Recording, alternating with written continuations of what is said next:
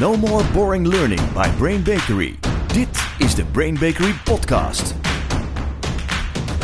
Iedereen van harte welkom bij een nieuwe aflevering van No More Boring Learning. En ik zit hier met mijn lieve collega Sjane Bakker. Hi Jan-Peter. Hi. In deze podcast gaan wij antwoord geven op best wel een belangrijke vraag. Hoe werkt leren nou eigenlijk? En hoe zet je dat dan slim in? En dat doen we op basis van niemand minder dan Rapapa, rapapa. David Kolp. Juist. Ja, elke trainer, opleidingskundige moet hem kennen, zal hem kennen. En in het enkele geval dat je hem niet kent, nou, ik zou zeggen, wacht een minuut of 20, 25 en je weet er alles van. Ja.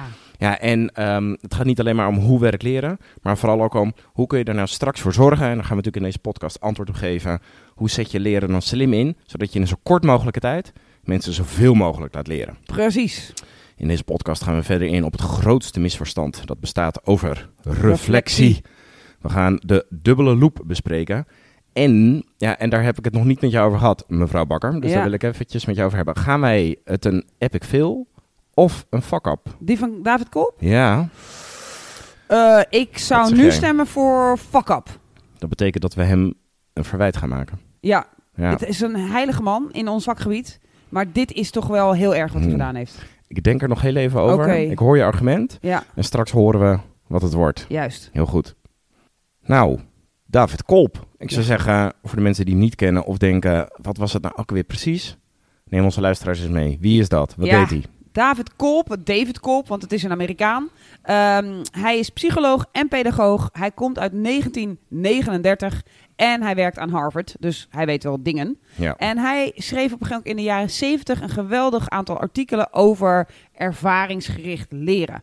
Wat hij eigenlijk deed, is hij schreef een soort cyclus op dat die veel mensen volgen op het moment dat ze effectief leren.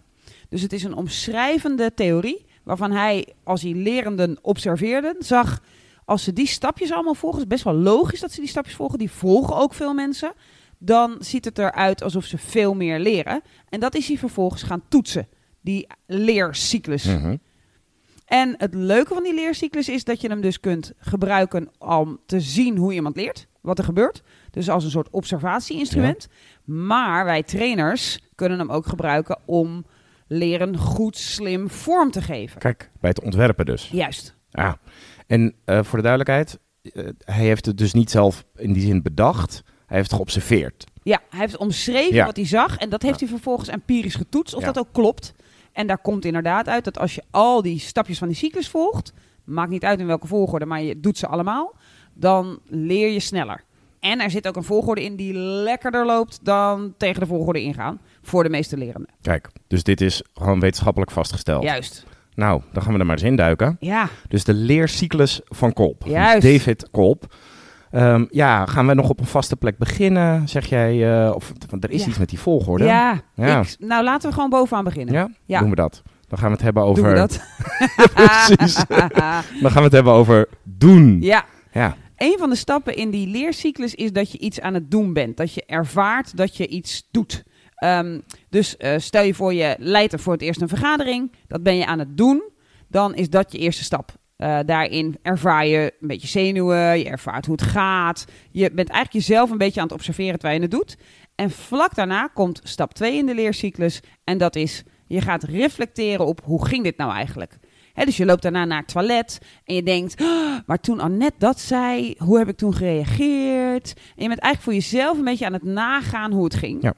Ehm, en die tweede stap kan bestaan uit dat je dus intern jezelf reflecteert, Mhm. maar kan ook bestaan uit dat een externe jou een reflectie meegeeft. Dus kan ook zijn dat Annette vervolgens langskomt en tegen jou zegt, nou, toen ik dat en dat zei, deed jij dit, dat vond ik niet zo fijn. Waardoor je weer iets leert. Dus ofwel je doet een soort interne dialoog met jezelf, Ja. waarbij je jezelf evalueert en denkt, ging dat nou goed, ging dat nou niet goed? Wat vond ik daar eigenlijk van? Ofwel je krijgt van extern, eh, krijg je feedback over hoe het ging, hoe het niet ging. Dat kan non-verbaal gebeuren, misschien in de vergadering zelf, dat je al een beetje wat feedback krijgt. Maar dat kan ook zeker na afloop gebeuren. Heel goed. Dus we hebben, eh, want we hebben er nu gelijk twee. Hè? We hebben dus doen Ja, en we hebben reflecteren. Waarbij doen, eh, je zei het al, eh, David Kolp is natuurlijk van het ervaringsgericht leren. Het Juist. echte ervaren is. Ja. Het echte ervaren in de echte praktijk. Het is echt spannend of Ja. echt leuk. De echte emoties horen daarbij. Ja, klopt. En dan komt het reflecteren. Volgens mij hebben we er nog twee te gaan. Ja. Ja, daarna komt. Via, via die reflecties kom je vaak tot een soort nieuwe theorie. Dus ik heb die vergadering geleid. Dit en dit is er gebeurd met Annette. Annette heeft er wat over gezegd. Ik heb er zelf ook over nagedacht via reflectie. En nu heb ik dan een nieuwe theorie. En die theorie luidt bijvoorbeeld... als ik iemand het woord geef en die wordt geïnterrumpeerd... ga ik die persoon voortaan beschermen. Dat zou een ja. theorie zijn die ik zelf bedenk. Het kan ook zijn dat ik naar aanleiding van die vergadering die ik heb geleid, die reflectie die ik heb gedaan, die feedback hier heb gekregen, dat ik theorie ga opzoeken. Dus dat ik ofwel mijn coach bel, ofwel aan een trainer iets vraag, ofwel ga googlen, of op Good Habits, eh, YouTube. Ja. Ik ga opzoeken van hoe ga je om met iemand die geïnterrumpeerd wordt in mijn vergadering. Dus wat je gaat doen is je gaat een theorie vormen. En die theorie die, die ga je vervolgens natuurlijk, dat is de vierde stap, de laatste stap in de Ja. cyclus, ga je toetsen, ga je testen, ga je uitproberen. Uitproberen, experimenteren Ja. en doen verschillen wel degelijk van elkaar. Daar moeten we denk ik zo meteen even bij stilstaan. Maar laat ik eerst de cyclus even afmaken. Dus ik heb een nieuw soort theorietje, hoe ik, hoe ik er voortaan mee om wil gaan. En eh, vervolgens ga ik dat kort uitproberen. Dus ik heb bijvoorbeeld een discussie met twee collega's bij het koffieapparaat. En ik zie dat de een de ander onderbreekt. Dan zou ik daar misschien op een soort veilige setting even van kunnen zeggen... hé, hey, eh, laten we even uitpraten. Eh, waardoor ik eigenlijk op een soort stiekem manier een beetje aan het oefenen ben... zonder dat ik formeel die voorzitter van die vergadering weer ben. Waarbij ik experimenteer met dat nieuwe gedrag. Ik doe een klein uitprobeerseltje in een veilige setting. En dat noemen we experimenteren. En zo is de cyclus compleet. En we hebben hem dus, als we een, eh, inderdaad bij doen beginnen, op volgorde doen, reflectie, theorie en experimenteren. Klopt. Ik stel voor, laten we er nog eens even een situatie bij pakken. Een eigenlijk best wel alledaagse situatie waarin je toch ook wel wat leert om te kijken hoe werkt die cyclus dan Mhm. en op welke plek in die cyclus kun je beginnen. Ja. Dus ik stel voor, ik denk dat de meeste mensen het ooit wel eens hebben gedaan, ja, een nieuwe mobiele telefoon. Vinden we Precies. meestal heel leuk om te krijgen. Ja. Ja. je hebt een doosje, je pakt hem uit en dan? En dan? Ja, ik weet wel wat ik doe. Ja, wat doe jij? Ja, ik ga hem zo snel mogelijk aanproberen te krijgen. Ja, de knop zoeken. Ja, er zit meestal nog wel één knop op. ja. Daar ga je op duwen en dan gaat hij aan. Ja. Ja. En dan hopen en bidden dat hij ook aangaat. Ja. ja. En mocht hij niet aangaan, wat doe je dan? Dan, eh, ik blijf nog een beetje prutsen. Dan ga ik even denken, waar, zou de, waar zit de knop bij mijn vorige telefoon? Ja. Dus als Ehm, reflectie? ja. ja. Ja, dan zou ik gaan kijken, nou zit hij dus op dezelfde plek, moet ik daar hetzelfde doen? Of- Stel dat het niet zo Ja. is. Hij gaat niet aan. Je hebt een kwartier geprutst. ja, dan ga ik natuurlijk waarschijnlijk online een gebruiksaanwijzing zoeken, een Ja. filmpje, een Ja, of, tutorial. of er zit ook nog zo'n boekje bij in je ding, maar daar kijk jij waarschijnlijk niet in. Maar Nee. je gaat op zoek naar theorie, maar liefst visueel waarschijnlijk. Ja, oké. Dus jij gaat een YouTube-filmpje, Ja. how to start my phone now, of zo. En dan het type telefoon. Juist. Ja. Dan krijg je daar wat theorie van mee en dan ga je eigenlijk gelijk met die theorie weer door ja, dus dan gaat, die telefoon aan en dan eh, het eerste dat ik altijd wil doen is kijken of ik mijn WhatsApp goed kan installeren. Ja, Het belangrijkste. Dus je gaat WhatsApp eh, proberen te installeren en als dat lukt, Ja. versturen. juist. Ja. Gelijk een eerste. Kijk, ik Ja. heb een nieuwe telefoon. Dat Ja. kan niemand zien, want je maakt een foto van je Precies. eigen hoofd. Maar toch, deze foto is genomen met mijn nieuwe Juist. telefoon. Ja. Ja. Ja. dus je ziet de cyclus heel leuk terug. Hè? Veel mensen beginnen inderdaad gewoon met doen. Eh, Sommigen beginnen met experimenteren. Die gaan gewoon iets, iets veiligs doen. Maar meestal beginnen ze gewoon up op die knop. Ja. Eh, een beetje nadenken, hoe zat het bij mijn vorige telefoon? Reflectie. Als je er echt niet uitkomt, pak je een manual erbij. En eh, je experimenteert wat. En dan plop, dan moet die eerst het foto. Die moet naar de familie en de vrienden. Insta moet geïnstalleerd. En je nieuwe hairculp moet, moet Juist. online. En dan, en dan ben je live. En vervolgens ga je wel on the go meer leren over je telefoon. Ofwel door te reflecteren, ofwel door soms nog een YouTube-filmpje of een gebruiksaanwijzing te Ja. lezen. Ik heb dus best wel vaak dat ik dan op een gegeven moment apps of, of eigenschappen op mijn telefoon tegenkom terwijl ik dat ding al vijf maanden heb. Ja, Dat ik denk, oh, dit ziet er ook interessant uit. Hoe Ja. zou dat werken? ja, En dan ga ik meestal weer lopen prutsen. ja. Dat lukt dan meestal niet. Nee. En dan ga ik het weer opzoeken. En is prutsen Ja. dan experimenteren of is het doen? Eh, nou, het, het, begint, het begint bij experimenteren, want meestal lukt het niet Nee. om, het, Ja. om het te doen. Ja. Zo technisch. maar goed, eh, dus, dus die cyclus loop je heel vaak op Heel datzelfde natuurlijk. Het onderdeel. is super natuurlijk. Ja. Dus wat Kolb heeft opgeschreven is echt Zo werkt het leren vaak bij mensen. Je springt een beetje op en neer door die cyclus, maar heel vaak komen alle componenten wel aan bod. Ja. Zeker als je iets in de praktijk wilt kunnen. Er zijn ook mensen die zeggen van nou, ik ga beginnen met eh, die manual eens even zorgvuldig Ja, door te lezen. Ken ze. Die zijn voorzichtig, die zijn zorgvuldig, die willen eerst dat allemaal lezen. Die, die gaan misschien ook, als jij begint, gelijk met openmaken en eraan zitten. Niet doen, niet Ja, doen. En die hebben daar ook redenen voor, die weten dingen. Dus het maakt eigenlijk niet uit waar je begint in de cyclus. En iedereen varieert daar ook enorm in. Sommige dingen doen we echt eerst enorm lezen en dan pas doen. En andere dingen doen we... Ik had bijvoorbeeld laatst hebben wij een, een robotstofzuiger. Ja, dan ga ik toch wel... Eer, dat is voor het nieuw, voor het eerst in de manual. Ja. En filmpjes kijken. En dan pas iets doen. Je Eh, wilt maar, toch ook niet aangereden worden? Nee, nee, precies. Dat zou gevaarlijk zijn. Ja. Dus de, de leercyclus is super natuurlijk, super normaal. Iedereen doorloopt hem, zeker als je iets wilt bereiken. En hij is ook denk ik interessant als ontwerpmodel voor trainingen. ja, dus we gaan overstappen van het leren naar het ontwerpen. Ja. Maar daar kan die net zo goed voor gebruikt worden. Ja. Sterker nog, daar is die een zeer krachtig model voor. Ja, want je ziet dat heel veel trainers voor een bepaald deel van de cyclus Ja. een voorkeur hebben. Ja. Ik heb eh, echt su- superveel eh, ontwerpprocessen begeleid met allerlei bedrijven waarin ze een nieuwe training wilden ontwikkelen, waar, met mensen, waar mensen met ideeën kwamen. En bijna stevast, je kan de klok erop gelijk Ja. zetten en er vergif op innemen. te- op die klok. En je hand in het vuur doen. En je hand in het vuur Ja, steken. Komen ze met twee van de vier van de cyclus. En niet met de andere twee. En dat is echt shocking. Ja, en ik kan ook al raden welke. Ja. Ik denk dat ik helemaal in het begin eh, van mijn eh, trainerscarrière ook wel eens in die valkuil ben gestapt. Ja. Ja, dat zijn natuurlijk de theorie en de reflectie. Ja, heel veel trainers bouwen hun hele training op met theorie en reflectie. Theorie en reflectie. Een nieuw stuk theorie. Wat vinden jullie daarvan? En wat misschien wel even lekker is, is om even stil te staan bij reflectie. Want er lijken heel veel oefeningen op reflectie. Terwijl je dan denkt dat je doet, maar je doet het niet. Want reflectie is eigenlijk een apart dier. Je kunt namelijk super actief reflecteren en je kunt heel passief reflecteren. Reflectie is bijvoorbeeld schrijf voor jezelf op wat je zojuist geleerd hebt. Maar reflectie is ook ga op een lijn staan van 1 tot 10 en ga, ga bij de 10 staan als dit het geval is voor jou en bij de 1 staan als dat het geval is voor jou. Dan ben je dus super actief, maar je bent in je brein aan het werk. Een reflectieoefening is ook dat je eh, bijvoorbeeld ge- gevraagd wordt, eh, als het over klantenservice of klantbeleving gaat. Herinner je een keer dat jij goed behandeld Oh, werd ja. en dat je een hele gave ervaring had als klant? En ga dat omschrijven. Ook dat is een reflectieoefening. Een reflectieoefening is dus altijd op het moment dat jij in jouw brein gaat terughalen hoe het eerder was of wat je ergens van vindt. Dus daar komt geen nieuwe informatie bij, er zit niet iets unieks nieuws in, maar reflectie is gewoon het recycleren van oude gedachten Ja. en daar misschien een wat nieuwere gedachte bij trekken. Wat je ziet, vooral bij trainers die nog misschien wat meer aan het begin van hun carrière staan, dat reflectie dus heel vaak in de vorm wordt gegoten van een soort groepsleergesprek. Hoe zou je dit aanpakken? Wat vind Ja. je hiervan? Welk, wat neem je nu voor? Welk inzicht heb je nu?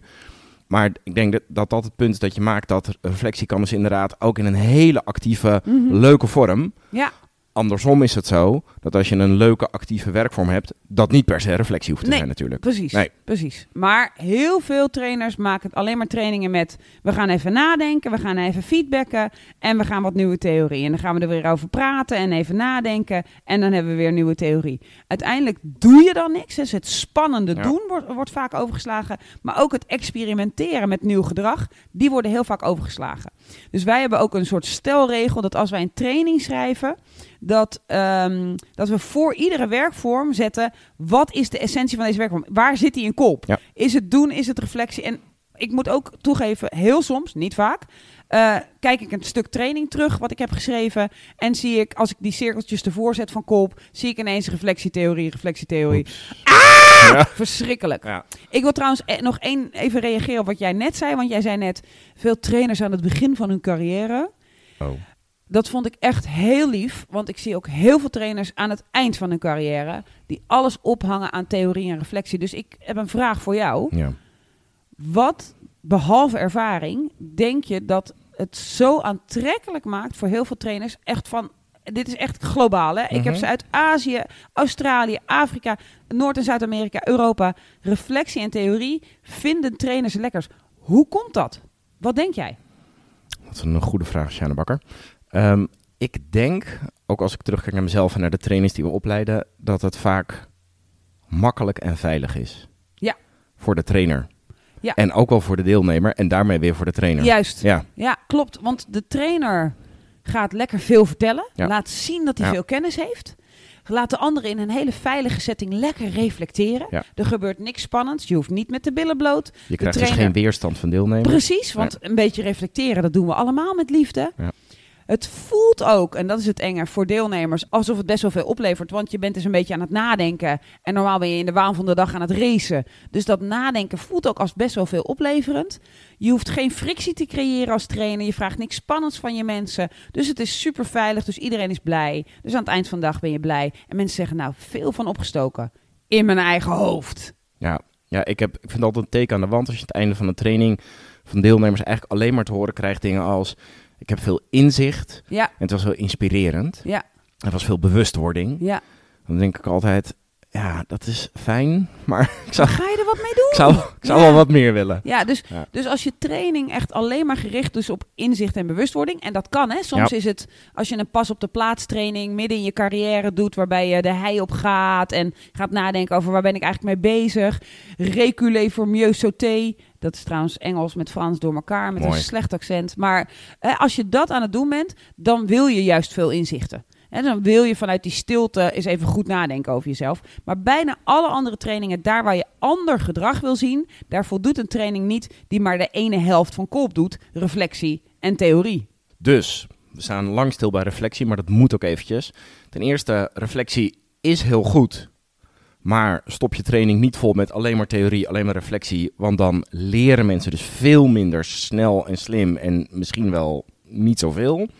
Plus, reflectie hoeft niet altijd alleen maar in de wat kabbelende, passieve vorm te zitten als schrijf eens wat op en laten we eens met elkaar praten. Het kan ook in hele actieve vormen gestopt Ja. worden. Bijvoorbeeld cross the line. En dat is een, een oefening waarbij je op een streep gaat staan of voor een streep gaat staan en je loopt er overheen op het moment dat er een, een, een statement op jou van toepassing is. Dan heb je het gevoel, we lopen met de hele groep Ja. op en neer. Ja. En toch is dat een reflectieoefening. De andere, de andere onderdelen. Eh, mensen denken heel vaak bijvoorbeeld dat experimenteren dat dat dan heel actief moet zijn. Dus eh, waar ik eigenlijk heen wil gaan is eventjes het verschil tussen het onderdeel van kolp Ja. en de vorm waarin je het in je training Ja, stopt. ja. Daar bestaan ook vaak misverstanden over. Dat experimenteren altijd actief moet zijn en reflectie dus altijd rustig. Dat theorie altijd moet zijn, ik als trainer sta iets te vertellen en Met zij slides, luisteren. dat is ook niet zo. En dat is natuurlijk helemaal niet zo. Nee. Je kunt al die vier die onderdelen in allerlei vormen van je training Precies, stoppen. ja.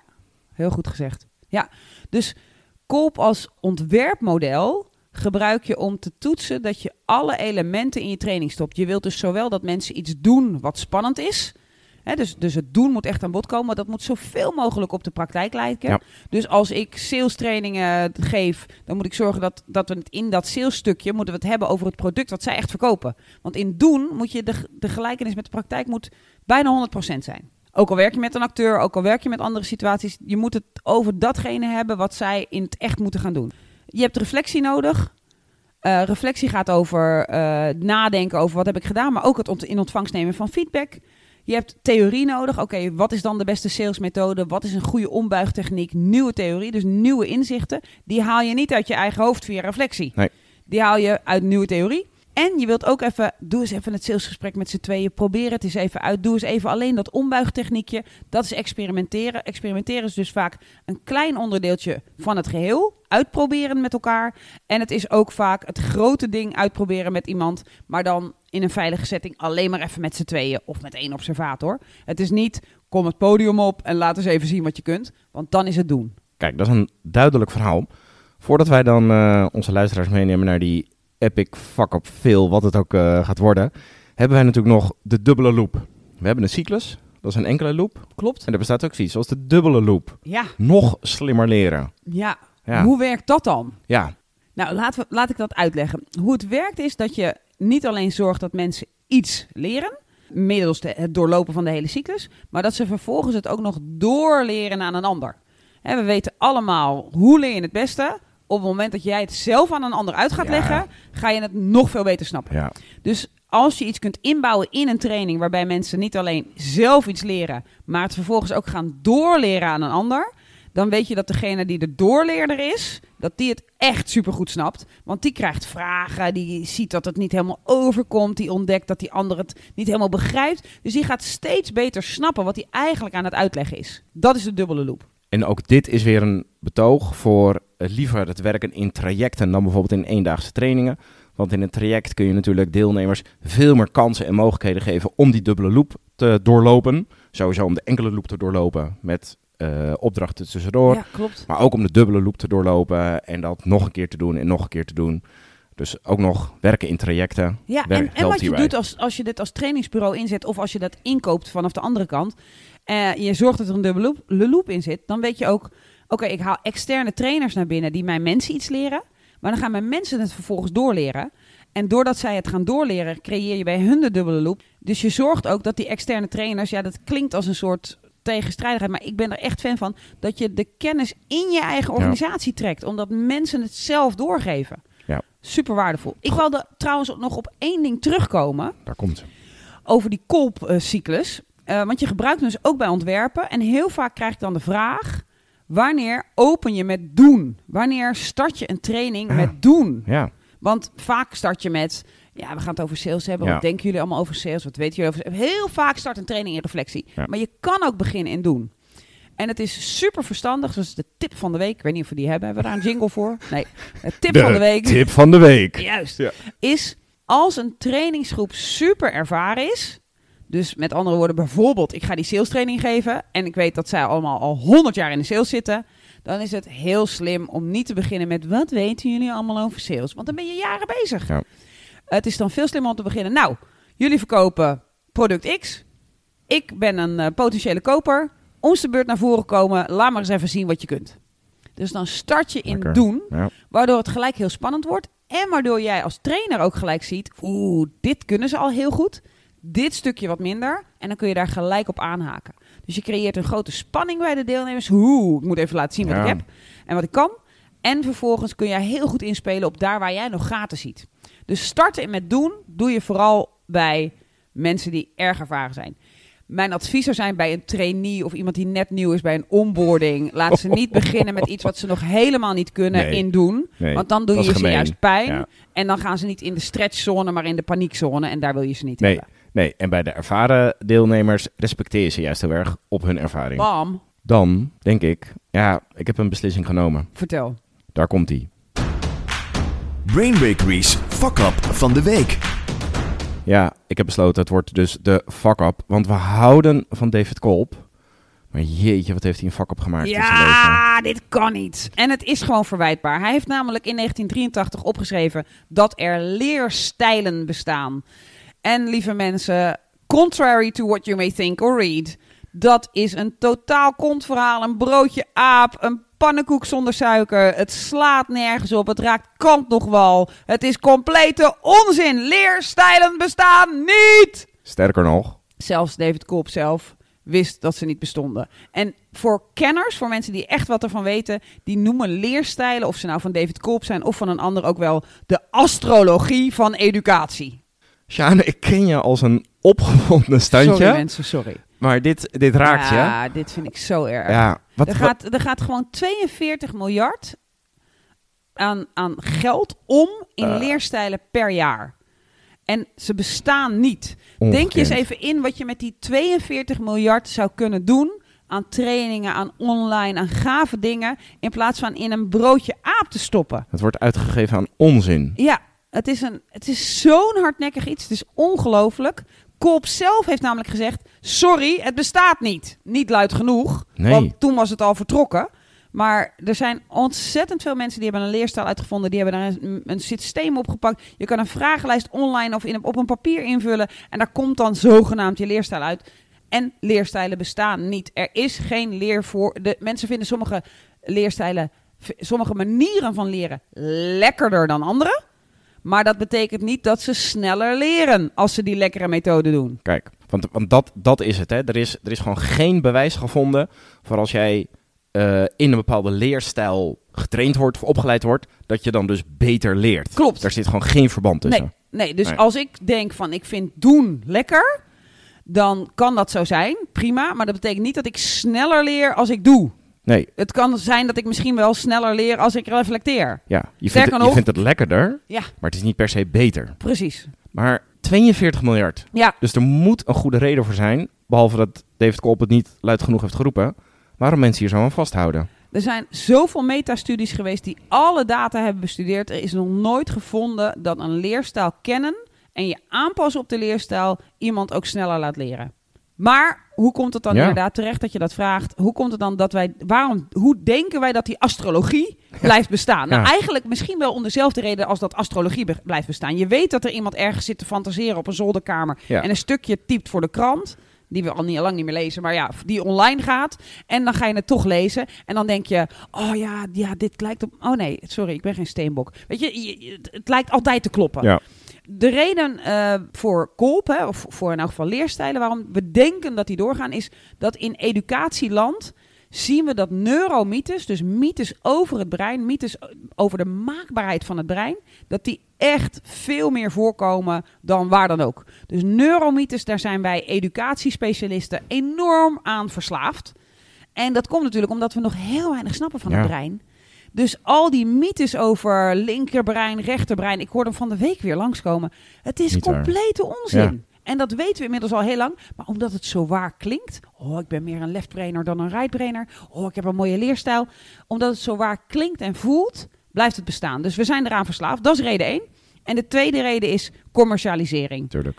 Hele gave dingen roepen. Wil je nog effectiever leren? Vul deze vragenlijst in. Slechts drie tientjes. En dan passen we alles voor je aan. En dan kun je beter leren. En dan leer je sneller, minder tijd. Ja, dat klinkt natuurlijk heel lekker. Ja. En het klinkt ook een beetje too good to be true. En Marketing. dat is het ook. Ja. Het is too good to be true. Ja, ik denk, daar zit dus een verlangen naar een sense of control Ja. achter. Hè? Ik wil mijn leerproces controleren. Ik wil ook het rendement richting mijn klant controleren. Dus ik gooi er leerstijlen en een Precies. vragenlijst in. Ja, Voor maar drie tientjes. Of Maal een heleboel. 50 euro. Geeft 300 42 euro. miljard. Ja. Ja. En ik denk ook dat, ehm, dan wil ik het ook nog even opnemen voor de deelnemers. Als ik een deelnemer ben in een training en ik krijg van tevoren een vragenlijst. Dat En daar komt- natuurlijk ja, leuk. en dat daar komt uit. Ik ben een doener. ja. Ja, hoe ga ik die training in? Ja, We gaan lekker. doen. Ja. We gaan lekker doen. Ja, dat kan natuurlijk geen één training is alleen maar doen. Nee, Dus je schept ook nog, denk ik, hele valse verwachtingen over je training. En je leert de deelnemer dus, dit is jouw leerstijl. Dus altijd als jij moet gaan leren, moet jij dat via doen doen. nee. Terwijl het Terwijl dus afwisseling gewoon... is veel slimmer. Ja. En die hele cyclus doorlopen, dat werkt wel. Dus juist niet denken, ik heb deze stijl, dus moet ik dat altijd doen. Nee. Het klopt niet. Overigens, voor mensen die NLP aanhangen, daar zit een andere leerstijl in. Dat is eh, auditief, visueel en kinesthetisch. Dat is ook complete onzin. Dat wil Zo. ik ook even gezegd. Die gooi, Zo. die gooi me er nog even... Ja, ik klink bijna agressief, maar dat ben ik ook bijna. Haal even adem. Heel goed. Ja, dan is het natuurlijk... eh, dit was een, een, een fel en eh, gepassioneerd protest. maar ik wil onze luisteraars niet achterlaten bij alleen maar de vraag wat niet. Dus laten we ook nog heel even kort aanstippen wat dan wel. Ja, nou, wat dan wel, doorloop de hele cyclus. Check of je, als je een training schrijft, check of alles erin zit. Als je een training inkoopt, check of er spannend doen in zit. Check of er theorie in zit. Meestal moet je meer checken voor experimenteren en Ja. doen. Want theorie en reflectie zit er bijna altijd al in. Maar check dat er een balans in zit. En het tweede is, pas zoveel mogelijk je methode van leren aan op de content die je aan het aanbieden bent. Dus als datgene wat je mensen leert heel erg ingetogen en stil achter een computer is, pas dan je methode daarop aan. Doe het online. Als jouw leermethode heel erg te maken heeft met voor volle zalen staan, geef de training voor een volle zaal. Dus pas de methode die je, die je gebruikt aan op de content die je mensen aan het leren bent. Dat is de manier waarop mensen slim leren. En stop Dave- met de astrologie. Stop met de astrologie van het opleiden, van de educatie. Beste luisteraars, we hebben antwoord gegeven op de vraag hoe werkt leren en hoe zet je die dan ook slim in volgens David Kolp, onze held, ondanks Zijn fokker. zijn, zijn vak af. De leercyclus is waar, de leerstijlen bestaan niet. En met deze kennis, Shana, mag ik jou danken Hartstikke bedankt Voor je- voor je kennis en je passie. En mag ik jullie allemaal bedanken voor het luisteren. No more boring learning. Dit was de Brain Bakery podcast. Wil je meer weten? Kijk dan op brainbakery.com of volg ons op onze socials.